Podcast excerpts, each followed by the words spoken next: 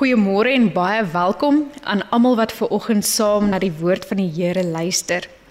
Pierneef gemeente is hier in die hartjie van die moed en ons is 'n baie hegte gemeente wat streef om gehoorsaam aan God te lewe en sy koninkryk hier uit te bou waar ons is. Mag elkeen van julle ver oggend werklik God se teenwoordigheid, sy vreugde en sy liefde ervaar.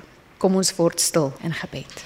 Ek hou vas aan u troue liefde oor die uitkoms wat U gee, juig my hart. Ek wil sing tot eer van die Here omdat hy aan my groot goed gedoen het. Aan almal vir wie God liefhet en wat hy geroep het om aan hom te behoort, genade en vrede vir julle van God ons Vader, Jesus ons Here en die Heilige Gees. Amen. Kom ons loof en prys nou die Here met ons voorsang, lied 530 207 en dan ook ons laaste lied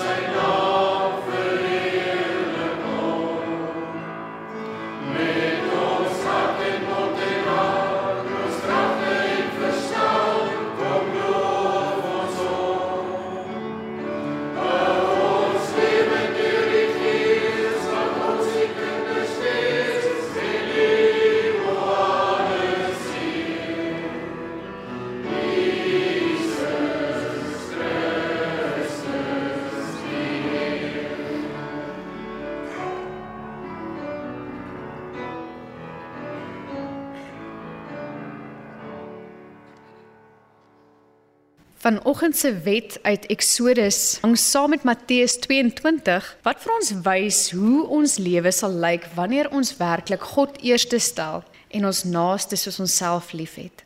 Ek lees dan vir ons.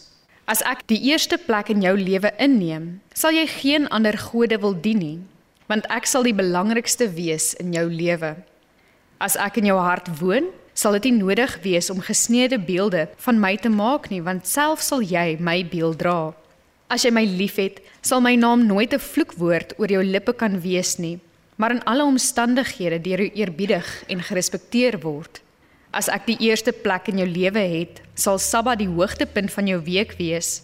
Dit sal vir jou vreugde wees om in die gemeenskap van die heiliges te aanbid. Dit sal 'n dag wees om na uit te sien en nie een om teenop te sien nie.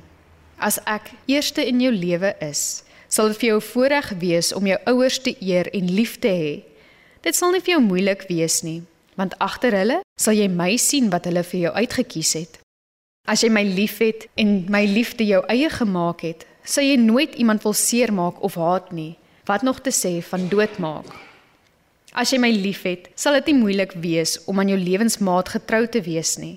As ek 'n plek in jou huwelik het, sal julle vir mekaar lief wees en julle sal geluk vind in my en my liefde sal julle bewaar en vashou. As ek op die troon van jou lewe sit, sal jy daagliks vra, "Aan wie kan ek iets gee?" en jy sal nooit iets van 'n ander wil neem nie. As ek in jou lewe is, sal dit nie meer vir jou lekker wees om van 'n ander kwaad te praat nie. Deur my gees sal jy 'n mens wees wat van 'n ander niks sal sê as dit nie iets goeds is nie. As jy een met my is, sal my gees jou tevredenheid gee om vergenoeg te wees met wat jy het, met die besef dat God gee soos wat jy nodig het en gee wat hy goed dink en hy gee altyd genoeg en jy sal niks kortom nie. Nou almal wat in ware berou na Jesus kom vir verlossing, is dan vrygespreek in die naam van die Vader en die Seun en die Heilige Gees. Mag ons sorg dat mense nie meer by ons verdruk word nie. Mag ons ons wy aan die wat honger is mag ons voorsien in die behoeftes van ander wat nood het.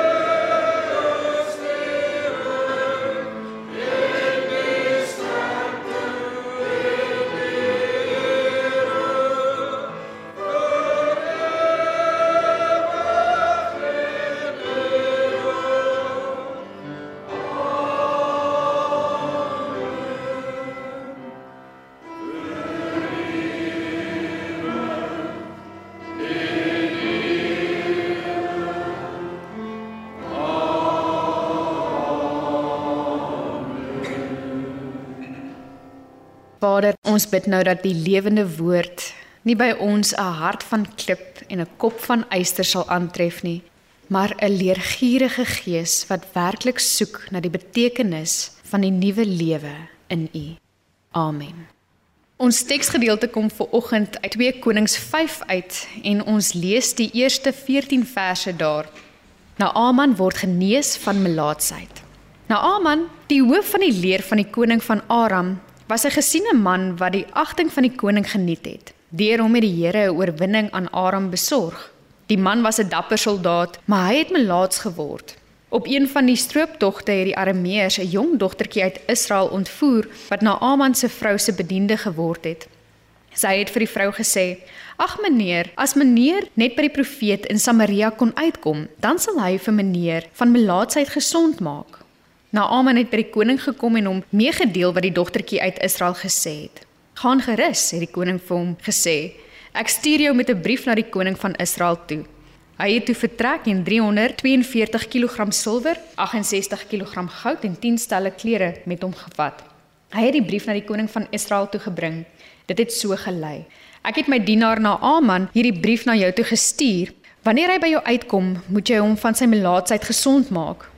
Toe die koning die brief gelees het, het hy sy klere geskeur en gesê: "Is ek dan God wat mense laat sterwe of aan hulle die lewe gee dat hierdie man iemand na my toe stuur om hom van sy melaatsheid gesond te maak? Dit moet vir julle duidelik wees, hy soek net skoor met my." Elisa, die man van God, het te hore gekom dat die koning van Israel sy klere geskeur het en 'n boodskap aan die koning gestuur. "Hoekom het u u klere geskeur? Laat nou Aman na my toe kom sodat hy kan besef dat daar 'n profeet in Israel is." Toe Naaman met sy wa en perde daar aankom, het hy stilgehou voor die deur van Elisa se huis. Elisa het 'n boodskap na hom toe gestuur: "Gaan was jou 7 maal in die Jordaan, dan sal jy gesond word en rein wees." Naaman het vererg weggerein gesê: Ek het daarom gedink hy sou uitkom en gaan staan, die naam van die Here sy God aanroep, dan sy hand heen en weer oor die plek beweeg en so die melaatsheid wegneem. Is die riviere van Damaskus en die Abana en die Parpar nie beter as die waters van Israel nie? Kan ek my nie daarin was om rein te word nie? So het hy woedend daarvandaan weggery. Sy amptenare het by hom gekom en mooi met hom gepraat. Meneer, as die profeet iets moeiliks van u verwag het, sou u dit nie gedoen het nie. Hoeveel te meer nou dat hy eenvoudig vir u gesê het: "Was jou en jy sal rein wees." Hy het toe afgegaan na die Jordaan toe en hom 7 keer daarin gebad, soos die man van God gesê het, en sy val het gesond geword soos die van 'n klein seentjie en hy het weer rein geword. Hy en sy hele gevolg het teruggegaan na die man van God toe. Daar aangekom het Naaman voor die man van God gaan staan en gesê: "Ek weet nou daar is geen God op die hele aarde behalwe in Israel nie aanvaar asseblief hierdie geskenke van my. En dan lees ons verder in vers 16. Maar Elisa het gesê so seker as die Here leef en wie se diens ek is, ek sal dit nie aanvaar nie. Naaman het by Elisa daarop aangedring om dit aanvaar, maar hy het dit bly weier. Ons lees net tot sover. In ons teksgedeelte vir oggend ontmoet ons 'n belangrike man. Sy naam is Naaman en hy was die gesiene hoof van die leer van die koning Aram. En dan word hierdie magtige, dapper soldaat siek. Hy word siek met melaatsheid en melaatsheid is 'n siekte gewees wat jou heeltemal uit die samelewing uit uitgeskuif het. So dit wil sê sy sukses wat hy behaal het, sy gesinslewe, selfs sy loopbaan is op die spel. Naaman is die aanvoerder van Israel se aardsvyande, die Arameërs. So al hierdie mooi dinge wat hy bereik het, is eintlik op die spel omdat hy nou siek is. So sukses of nie, sy gesondheid laat hom gruwelik in die steek. Nou ons weet verder nie regtig baie goeters van Naaman nie, maar ons weet soos wat die Bybel vir ons sê dat daar 'n jong meisietjie in hulle huis gewerk het. Hierdie jong dogtertjie is ontvoer uit Israel uit en sy kon stil gebly het oor hierdie man van God wat sy geken het wat in Israel woon. Maar hierdie dogtertjie praat met Naaman. Hierdie slaafie sê vir Naaman, maar ek ken iemand, ek weet van iemand wat in Israel is wat u dalk gesond kan maak as u net by hom kan uitkom. Sy was nie noodwendig belangrik geweest nie. Inteendeel, teenoor Naaman en die koning was sy eintlik niemand geweest nie. Sy was eintlik baie onbelangrik geweest. Sy het maar net vir hulle gewerk as 'n klein slaafdogtertjie. En ons lees nie eers in die Bybel dat sy vir Elisa geken het nie. Ons weet nie eers verseker of sy geweet het van die wonder van die broodvermeerdering waarvan ons in hoofstuk 4 lees nie. Ons weet nie of sy verseker geweet het van die weduwee se kruik wat nooit leeg geraak het nie, maar iets soorts gelyk het sy geweet. Want dit is haar kennis van Elisa, die profeet van die Here en wat hy gedoen het wat lei na die genesing van Naaman. Maar wat ook interessant is, is dat sy hoegenaamd iets sê. Sy kon stil gebly het. Sy het nie nodig gehad om iets te sê vir hierdie armeer nie. Want hierdie mense het haar en haar volk eintlik leed aangedoen. Hulle was hulle vyande gewees. Sy was maar net 'n dogtertjie wat haar nuwe baas alleen in die huis moes gehelp het en tog, toe sy hoor van haar baas se melaatsheid en sy het geweet sy het inligting wat iets sou vir hom kon beteken het, het sy vir hom gesê: Hierdie dogtertjie help haar vyande. Wat 'n voorbeeld is dit nie vir elkeen van ons om die goeie nuus met die mense rondom ons te deel nie. Al hou ons nie van hulle nie. Al is hulle ons vyande. Ons sien dus hierso dat die klein mense, dat kinders, dat dikwels die minder belangrike mense 'n saak het in hierdie wêreld. 'n Groot rol speel en veral in hierdie verhaal sien ons deurlopend hoe gewone mense 'n groot rol speel En dan luister na Aman. Naaman vra toestemming om na die koning van Israel toe te gaan en sy koning stuur hom met 'n brief en geskenke van goud en silwer en klere saam. En dit het alles hoe belangrik Naaman vir hierdie koning was. En hy sê gaan pleit by die koning van Israel om hierdie gesondheid weer terug te gee vir jou. Maar terwyl die dogtertjie geweet het wat moet gebeur, was die koning van Israel behoorlik sonder raad gewees. Toe Naaman by hom aankom, het hy gedink dat hy met hom skoor soek en wil oorlog maak, want die koning het vergeet van die profeet van God. En wanneer Elisa dan van die koning se penarie hoor, stuur hy vir hom 'n boodskap: "Stuur hierdie man na my toe, laat hy na my toe kom." So binne die verwysingsraamwerk van hierdie twee konings en van Naaman was Elisa ook maar 'n relatiewe onbelangrike figuur geweest. Hulle dink nie eers oor hom of hou nie rekening met hom nie. Net soos die klein dogtertjie is Elisa 'n voorbeeld van 'n tweede gewone mens wat die verhaal op koers hou. En so land Naaman met sy pragtige perde by Elisa aan en hy hou stil voor Elisa se huis, maar Elisa kom nie eers uit nie. Net 'n kinderlike boodskap wat sê gaan was jou 7 keer in die Jordaan. Belangrike mense van hierdie tyd was nie gewoond gewees om so hanteer te word nie. En 'n woedende Naaman ry daar weg. Hy dog daar sal 'n dramatiese ritueel gewees het om hom gesond te maak. En al wat Elisa vir hom sê is: "Gaan was jouself in die rivier." En dan sien ons vir 'n derde keer dat dit die nederige, gewone mense is wat die situasie red. Sy amptenare pleit by hom: "Gaan doen net wat hierdie profeet vir u sê. Moenie kwaad wees nie, moenie weggaan nie." En weer eens luister na Aman. En sewe keer gaan was hy homself in die rivier en daar is verstommende resultate. Hy word gesond. Hy was weer rein gewees. Wat is die uitkoms? Sy belydenis in vers 15 wat sê ek weet nou daar is geen god op die hele aarde behalwe in Israel. En dan sien ons hy is so dankbaar dat hy wil offers bring aan God en hom geskenke gee aan Elisa, maar dit word geweier. Naaman word genees nie net fisies nie, maar geestelik ook. Nou wat sê hierdie gedeelte vir oggend vir ons? Die gedeelte sê vir ons iets van gewone goed is belangrik, nie net die buitengewone goeders nie.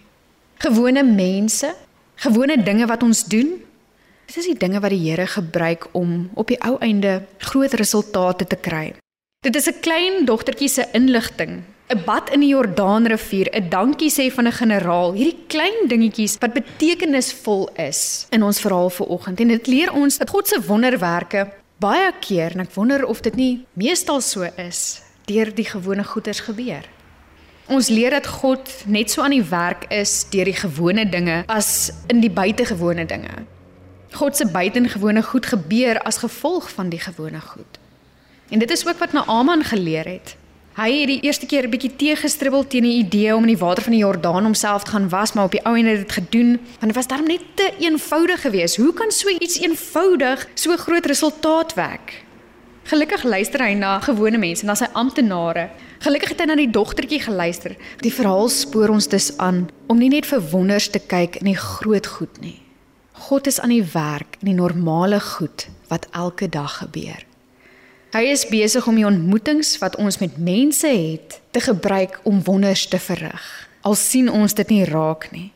So die verhaal spoor ons aan om aan te hou om gewone dinge te doen, hierdie dinge wat God ons roep om te doen.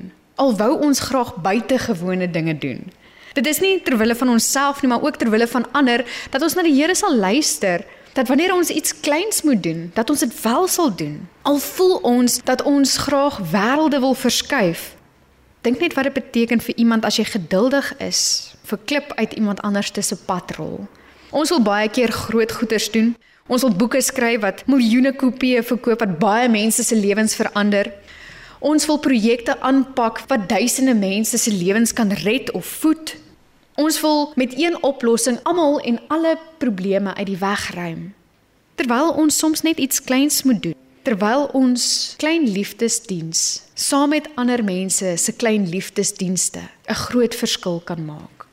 Ons moet deur hierdie verhaal leer dat God deur die klein dinge wat ons doen, werk om groot resultate te kry. Maar die klein dingetjies tel. Die klein dogtertjie het geweet van iets Elisa is die profeet in Samaria wat wonderlike dinge kan doen. Dit is al wat sy geweet het en al wat sy gedoen het is om vir iemand te vertel daarvan. Ons weet nie eers wat hierdie dogtertjie se naam is nie. Maar deur net 'n paar woorde te sê, het sy eintlik gesorg dat Naaman van sy melaatsheid genees is. Het Naaman besef wie die Here is. Was hy bekend gestel aan hierdie God van Israel en het hy die Here begin aanbid alles deur 'n gewone mens, selfs 'n onbelangrike mens wat net iets kleins gedoen het. Daar is niks wat ons doen, hoe klein dit ook al is, wat God nie kan gebruik om groot dinge te doen nie. 'n Paar mense skenk dalk 'n paar bottels water vir die nood in Natal en voor ons weet is daar duisende mense wat water ontvang wat se lewens gered word omdat hierdie klein optrede van een of twee mense die aksie van ander mense aangesteek het om dieselfde te doen. 'n Paar gemeentelede skenk 'n paar sakkies meel of blikkies kos aan hulle kerk se voedselprojek en voordat ons weet, is daar honderde gesinne in die omgewing wat gevoed word met meer as net die liefde van die gemeenskap. 'n Glimlag vir 'n motorwag, 'n sagte woord vir iemand wat bedroef is, 'n kort geselsie met iemand wat alleen is. Ons sal nooit weet wat 'n verskil dit maak in ander mense se lewens nie. Ons sal nooit weet hoe God hierdie klein dingetjies of dinge wat vir ons klein lyk, gebruik om 'n groot verskil in die lewens van ander te maak nie. Ons kan nog 'n laaste ding by hierdie dogtertjie leer. Ons kan leer oor dankbaarheid. Hierdie dogtertjie kon teruggesit het in sak en as. Sy's weggevat van haar familie, haar vriende, haar land af. Sy's in 'n vreemde plek wat sy nou moet werk vir hulle vyande. Maar tog kan ons sien dat sy 'n dankbare lewe het. Sy het meer as haar deel gedoen in die huishouding. Sy het die geheim van Elisa, die geheim van God, het sy vertel en dit gelei tot genesing. Sy was waarskynlik bang. Sy was waarskynlik weerloos. Maar tog in haar situasie en mens glo uit dankbaarheid. Dankbaarheid vir God. Dankbaarheid dat sy steeds lewe, kon sy hierdie dinge doen. So soos Jesus met die 5 broodjies en die 2 visse met dank aan God gebruik het om so iets spesiaals vir mense te doen, so kan ons ook met dankbaarheid dit wat ons het, al is dit min, al is dit doodgewoon, gebruik om ander mense se lewens te verryk, soos wat hierdie dogtertjie gedoen het met haar kennis. So ongeag ons situasie, ongeag ons seer, ongeag ons weerloosheid, kan die Here ons steeds gebruik. Nou aan die randfigure in die ballingskap word hierdie verhaal verkondig dat God aktief werk deur gewone mense.